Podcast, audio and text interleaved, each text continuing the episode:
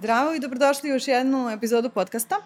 Danas pričamo o industriji e, dostave hrane i drugih stvari, e, drugih potrebština. E, u stvari o tome e, na koji način možemo prosto brzo da odgovorimo na neke izazove u poslovanju, ali e, i kako pivotiranje rade uspešne kompanije. Moj gost danas je Đorđe Davidović iz Volta. Zdravo, Đorđe. Hvala što si tu trebalo nam neko vreme da se ovaj, organizujemo, odnosno mi smo ti malo oduzeli vreme u celom, celom tvojom haosu, ali hvala ti što si izdvojio vreme za razgovor. Hvala vam što ste me pozvali. Teško da postoji neko ko, ko nije čuo za Volt. Nekako ja se sjećam od prvog momenta kad ste ušli ovde, dok još nisam ni znala zapravo čime se sve to Volt bavi. Uh, E, prosto smo negde imali onaj moment brand awarenessa, dakle viđali smo uh, negde brand na autobusima, to me onako prvo bilo prepoznatljivo, dakle svuda gde se krećemo kroz grad smo mogli da vidimo ovaj Volt, onda smo se polako upoznavali sa tim čime se Volt zapravo bavi, kakvu uslugu nudi, kroz um, neke, recimo između ostalog, um, influencer kampanje, ali vrlo onako uh, kako da kažem, detaljne. U smislu, vrlo su bili posvećeni da nam objasne ovaj, šta je to Volt. Ne samo da vidimo, a da nam nije baš jasno, pa nam treba vremena da malo izgooglamo. Ovaj, ali bih volala ti da nam kažeš onako odakle Volt dolazi, to je startup zapravo. Tako je, to je startup iz Finske, osnovan 2014. godine. Nakon toga Švedska i Estonija i posle ekspanzija dalje. U Srbiju smo došli 2019. godine i nadam se, napravili neku promenu u industriji dostave hrane.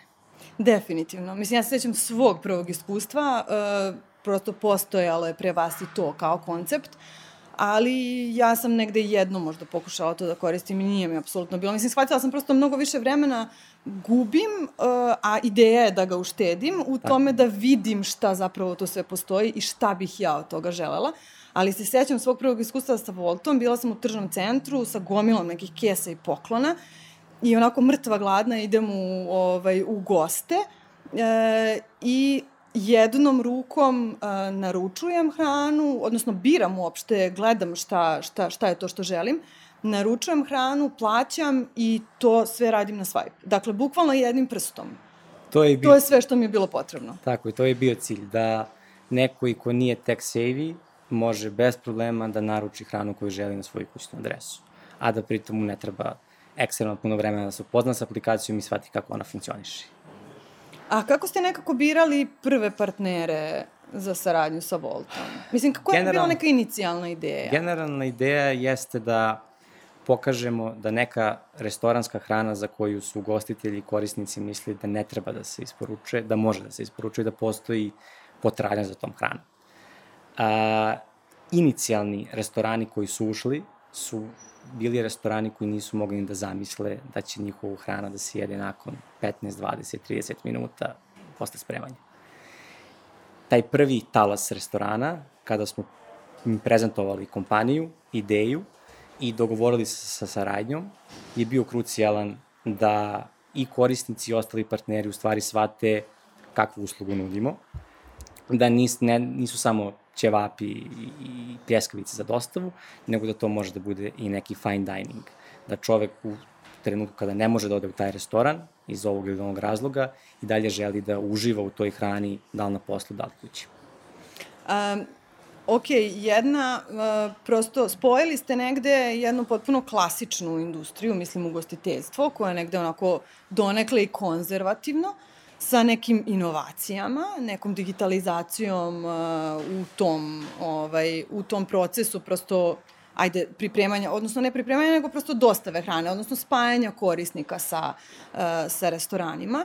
E, ali kako izgleda kada zapravo dođete na tržište kod svojih partnera i nekako na terenu se suočavate sa nekim izazovima? Koji su izazovi bili i kako ste ih prevazilazili? Prvi izazov je bilo to da nisu verovali da njihov proizvod treba da se konzumira van restorana.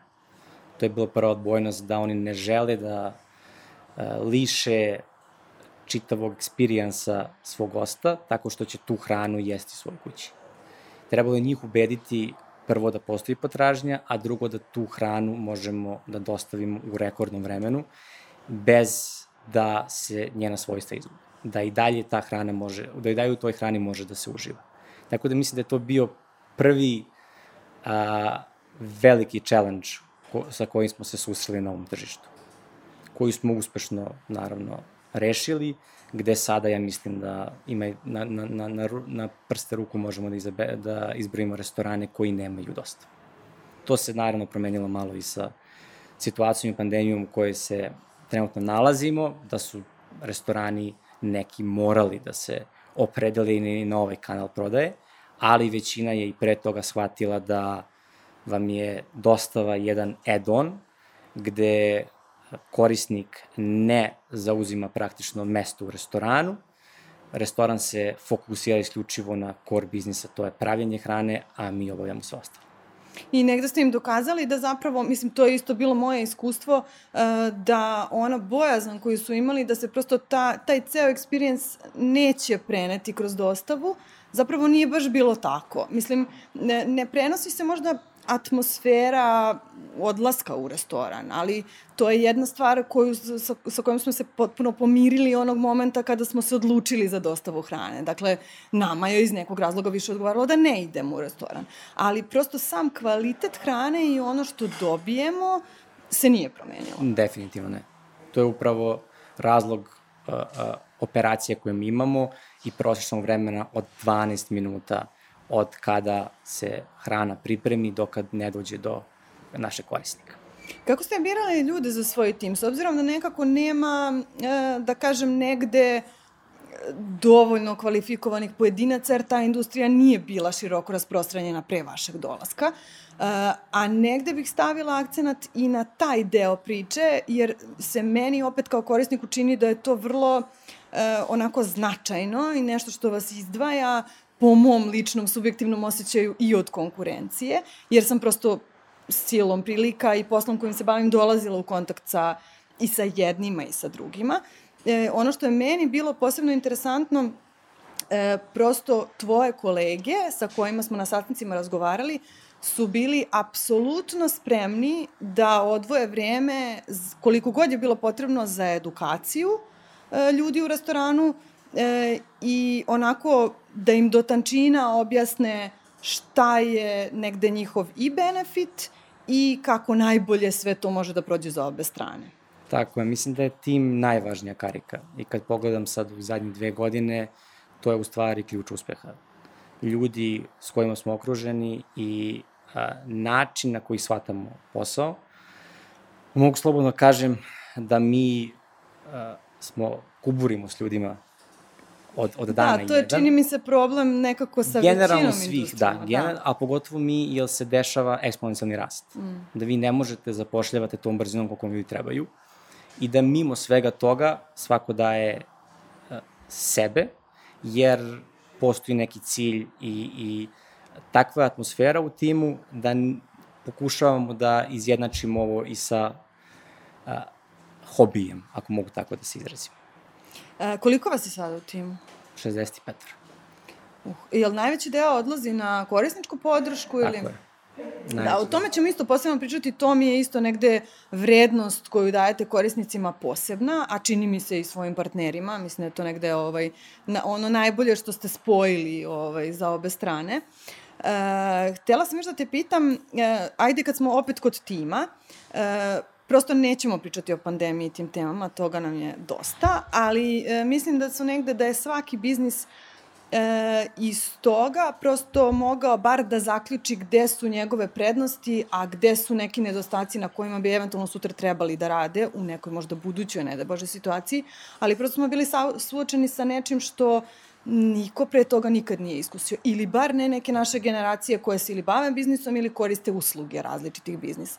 Kako ste negde uspeli da za tako kratko vreme odgovorite na, na, na taj izazov, na koji, kažem, prosto niste nikako mogli biti spremni, ovaj, i e, bili ste u situaciji da zapošljavate nove ljude i da prosto pravite nekakve dilove u vreme kada je čak i kretanje bilo ograničeno.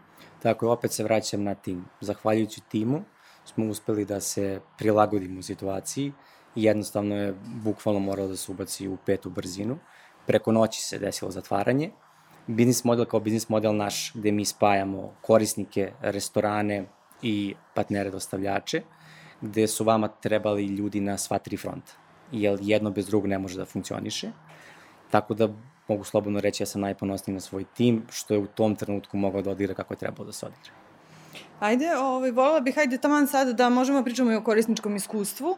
Ovaj, uh, ajde, ja nekako iz svog ugla uvek posmatram to. Ovaj, ima sad tu mnogo nekih detalja koji po meni prosto prave razliku, ali ne samo u smislu da je to lepo, mislim to je okej, okay, ali nas negde neće zadržati tu. Mislim, bit će nam lepo, ali onog trenutka kada dobijemo proizvod, ako nešto tu nije bilo okej, okay, zaboravit ćemo na to. Tako je. E, ono što je meni bilo različito od svega ostalog, to je da e, prosto samo pogledom mogu da dobijem sliku o tome šta ja zapravo želim. Dakle, nisam morala da sedim i da iščitavam, ne znam, neke ono, redove i redove sastojaka ili ne znam nija ovaj, šta sve čini e, taj neki obrok, već sam mogla direktno da vidim šta je ono, kolika je porcija, kako izgleda, šta je otprilike unutra i to mi je negde i štedelo vreme, a prosto i vizualno me navodilo na to da ja zapravo baš to želim, možda nekad i više od nego što je bilo potrebno. Tako je, zato što ljudi jedu očima. Mi smo imali strogu politiku do pandemije, do početka pandemije, da restorani i jela ne idu na aplikaciju bez slika. Slika koje su profesionalno odrađene od strane naših fotografa. Kada je krenula pandemija, morali smo da se prilagođavamo da ne bi izlagali ljude opasnosti i virusu, tako da smo tada dozvolili restoranima da nam dostavljaju svoje slike i sada postoji jedan određeni broj jela bez svojih slika. Ali definitivno mislim da, da kao i ti, tako i mnogi vole da vide ono što naručuju.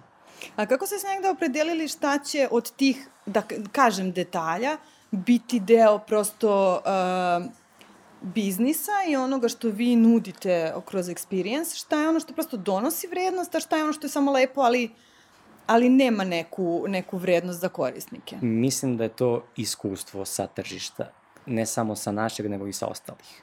Jer sa, sa, sa čim god da krenete, to se prethodno testira na nekom tržištu. Sad svako tržište priča za sebe.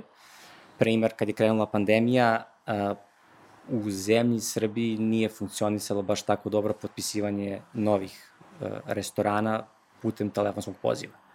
Gde u nekoj Skandinaviji to je normalno ali kod nas poslovi koji nisu vezani za kafanu se završavaju u kafani, a ne posao da se nečija hrana nosi. Jer, jer hrana, to je osetljiva tema. Mm -hmm. Jednostavno mi nismo mogli tim ovom vrstom da, da sklapamo dilove sa restoranima, nego smo, barem su tražili da bude neki video, da oni vide ko sedi preko puta, jel ta osoba treba... Da, da prosto da nekako bude... steknu poverenje tako, tako u tom je, smislu, tako. da. Ne znam šta je razlog ovaj, kod nas e, ta, takve situacije, ali e, generalno smo pričali o tome, Volt se u suštini ne razlikuje zapravo na ostalim tržištima. Dakle, identična, što, da. identična da. aplikacija, identična, da kažem, kompanijska kultura, Naravno, postoje, svako tržište ima za sebe neke finese, ali generalno trudimo se da sve to bude uh, unificirano. Dakle, neko otvori aplikaciju u Japanu i isto takvu uslugu dobije i u Srbiji. Da prosto momentalno prepozna da, da, da je to ista stvar. E, malo bih se možda fokusirala i na e, prosto ono što se moderno zove pivoting, odnosno nekakav zaokret ovaj, u poslovanju, zato što mislim da ste vi sjajan primer u tome e, kako to zapravo može uspešno da se odradi i to u više faza, odnosno više različitih e, pivotiranja. Jer e, čini mi se da bi to možda bio negde super savet za nekoga ko se sa tim možda prvi put suočava. Nekakvu manju kompaniju koja razmišlja o tome, ali ne zna na koji način, šta je potrebno da se uradi prije toga, koji su neki, neki koraci, šta je potrebno da, da to uopšte bude uspešno. Šta je, kako je krenuo zapravo? Ko je bio neki, ajde da kažem, prvi korak ili već, kako ste shvatili da prvi je to korak potrebno? je prepoznavanje šansi da postoji potreba za nečim što vaša kompanija u tom trenutku ne pruža svojim korisnicima, a mogla bi. Kod nas se najveći pivotik desio kad je krenula pandemija u martu, aprilu, kada smo shvatili da pored restoranske hrane treba da uđemo u dostavu svega ostalog. Kažem svega ostalog, naravno ograničeni smo gabaritima, ali nama koji smo savladali dostavu hrane gde se pravi razlika da li nešto stigne za 10 ili 12 minuta, je bio, nije bio nikakav problem da uđemo u dostavu bilo čega. Tako da sada dostavljamo namernice, cveće, knjige, kozmetiku, sve što poželite. I kad razmislite, to jeste logično. Da neko ko sedi kući ne želi da ode, a već zna koji proizvod hoće da kupi, to može da uradi sa četiri klika i jednim swajpom i da mu stigne isto kao hrana za pola sata kući. Tako da je to bio najveći pivoting uh, i na tome i dalje radimo. Strategija jeste da do, do kraja godine Volt bude uh, jedan tržni centar u džepu, ako mogu tako da se izrazim, šta god da vam treba za pola sata, tu smo. Drugi, nazvat bi blagi pivoting, jeste uvođenje keša.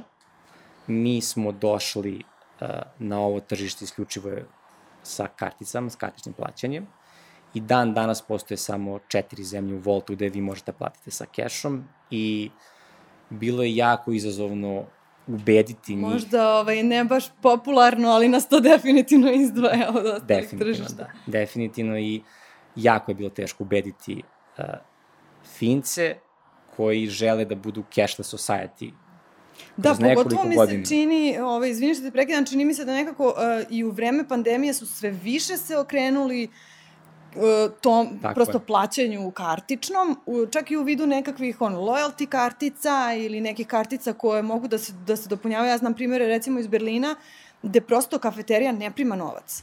Dakle, u vreme pandemije ne primaju novac i od tada je to ostalo do sada. Oni imaju svoje kartice koje su napravili e, zbog cele te situacije, da bi nekako olakšali poslovanje. Verovatno možda i bilo ajde da kažem, ne higijenski, ali možda i jednostavnije, da se nekako manje vremena troši u, u, celoj, celom tom procesu ovaj, poručivanja ili kako god, a mi na, unazad. Da. Mislim, kod nas je isto trend da se povećava broj transakcija kartičnih, kartičnih transakcija, a da se smanjuje e, broj cash, ali a, postoje jednostavni određeni korisnici koji ne žele da daju podatke svoje Znam. kartice. I vi gubite jedan veliki segment zbog toga. Tako da smo mi uveli u februaru ove godine, gde da ne govorim procente, ali veliki broj novih korisnika su cash korisnici. Da, i to je sjajno, ok, mislim, uh, prosto možda to nije popularno, ali svako tržište prosto ima neke svoje zahteve Definitivno. i tome se prilagođavamo prilagoditi. Važno tako. je razumeti šta korisnik želi.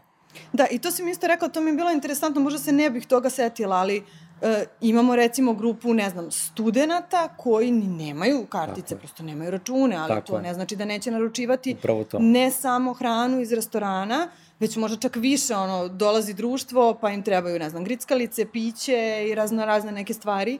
Ovaj, čini mi se da su vrlo spremni na, na tako nešto, zašto ne bi i oni bili deo... To je bilo naše razmišljanje. Jel, mi smo i tu ciljenu grupu proširili uvođenjem keša kao opcije plaćanja. A na koji način ste uh, prosto osluškivali tržište? Jel, ste, jel ono, imate nekakvu svoju Anket, istraživanje? Anketa i prijatelji, mislim. I ja kao što sam imala i u, u svojoj blizini ljude koji nisu koristili aplikaciju isključivo zato što nisu želeli da sačuvaju svoje podatke na aplikaciji. Ali imam jednu sjajnu stvar da ti kažem. Ja znam osobu koja ne koristi nikakve aplikacije na svetu, osim onih neophodnih, znači to je mail i ovaj, chat aplikacije, koja je došla kod mene i tražila mi da joj pokažem kako funkcioniše Volt. Eh. I koja to je jedina aplikacija koju koristi, znači jedina usluga koju koristi. Ne znam da aplikacija, ali postoji čak i nešto web.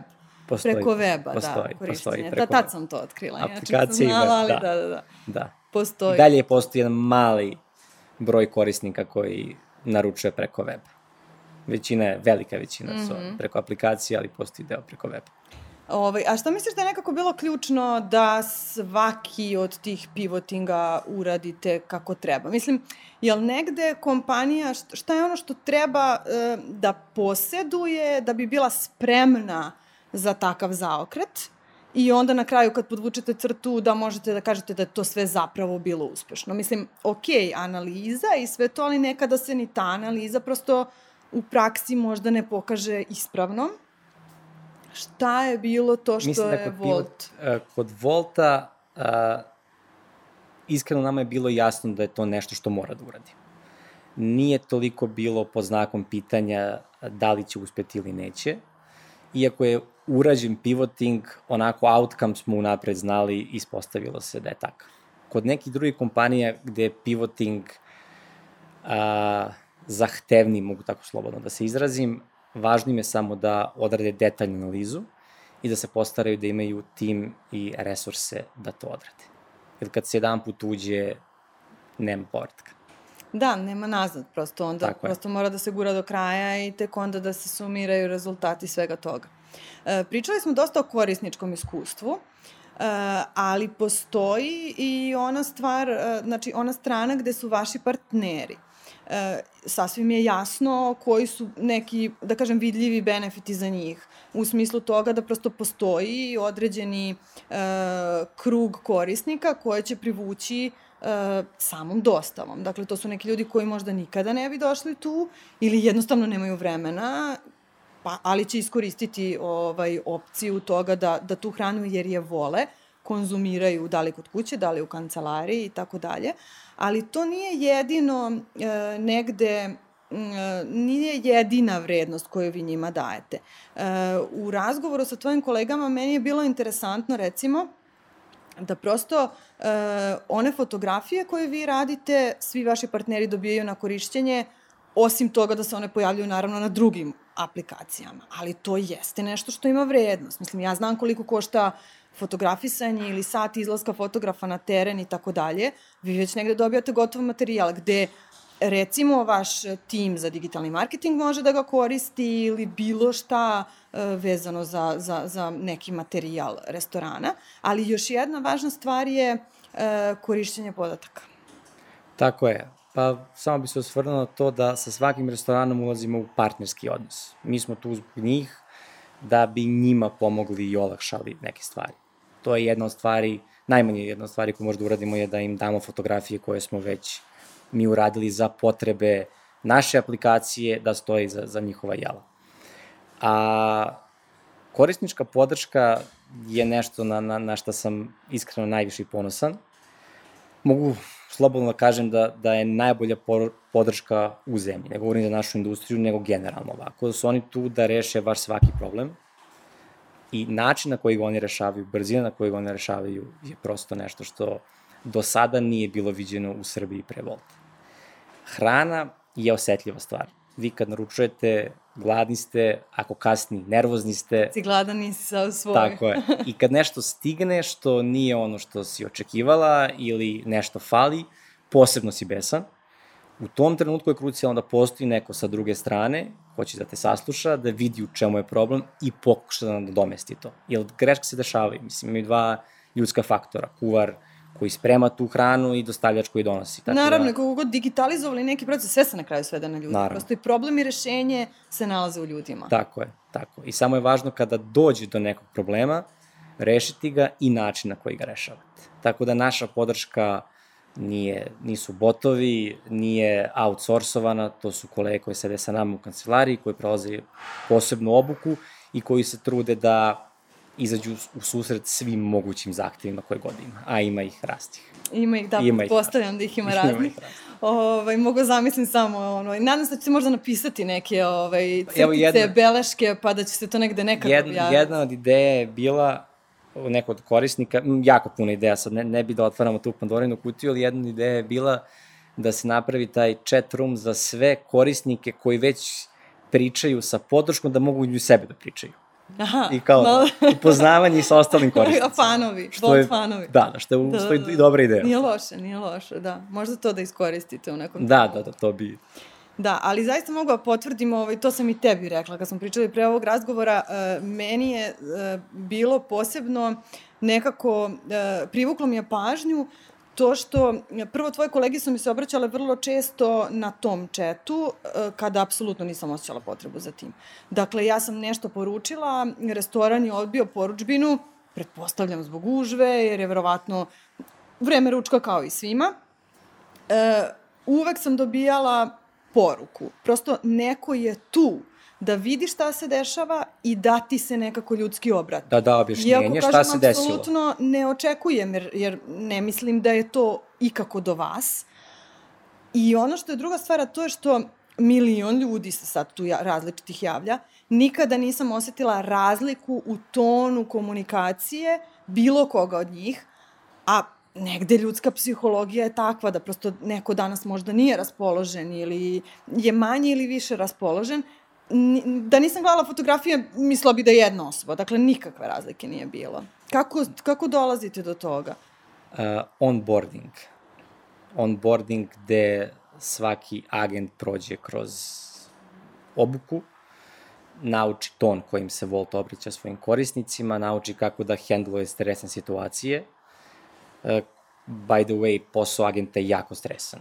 Da, verujem. Konkretno Volt agenta, jer vam vama se obraćaju uglavnom ljudi koji su nezadovoljni, mm. besni, redko ko dođe da kaže nešto, nešto lepo, lepo. da pohvali, ako je sve da, u redu. Ali ima toga, se to desi? Ima, ima, kako ne, kako ne. Dobro, dobro. Na dnevnom nivou x poruka, ali opet su umanjini u odnosu na žalbe. Pa jasno, zato što je negde ona inicijalna kapisla koja nas tera na reakciju ovaj, mnogo jača kada na o, tako, nije kad je nešto super sve Da, onda prosto poješću svoju hranu i nastavit dalje sa svojim životom. A ako nešto ne funkcioniše, onda mi treba neki kriv. Neko, da, da, I posebno, kažem, tad je čovjek svakog specifičnog raspoloženja i traži krivca. Mm -hmm. Mi gledamo na to, ne gledamo da li je pogrešio kuvar u restoranu, partner dostavljač, nego kako da rešimo taj problem. E, čini mi se da negde ono što si rekao da su, da su vam to partneri, e, da je dovelo do toga da ste i vi negde e, njima možda pomogli ajde tako da kažem, da se smanje nekakve greške.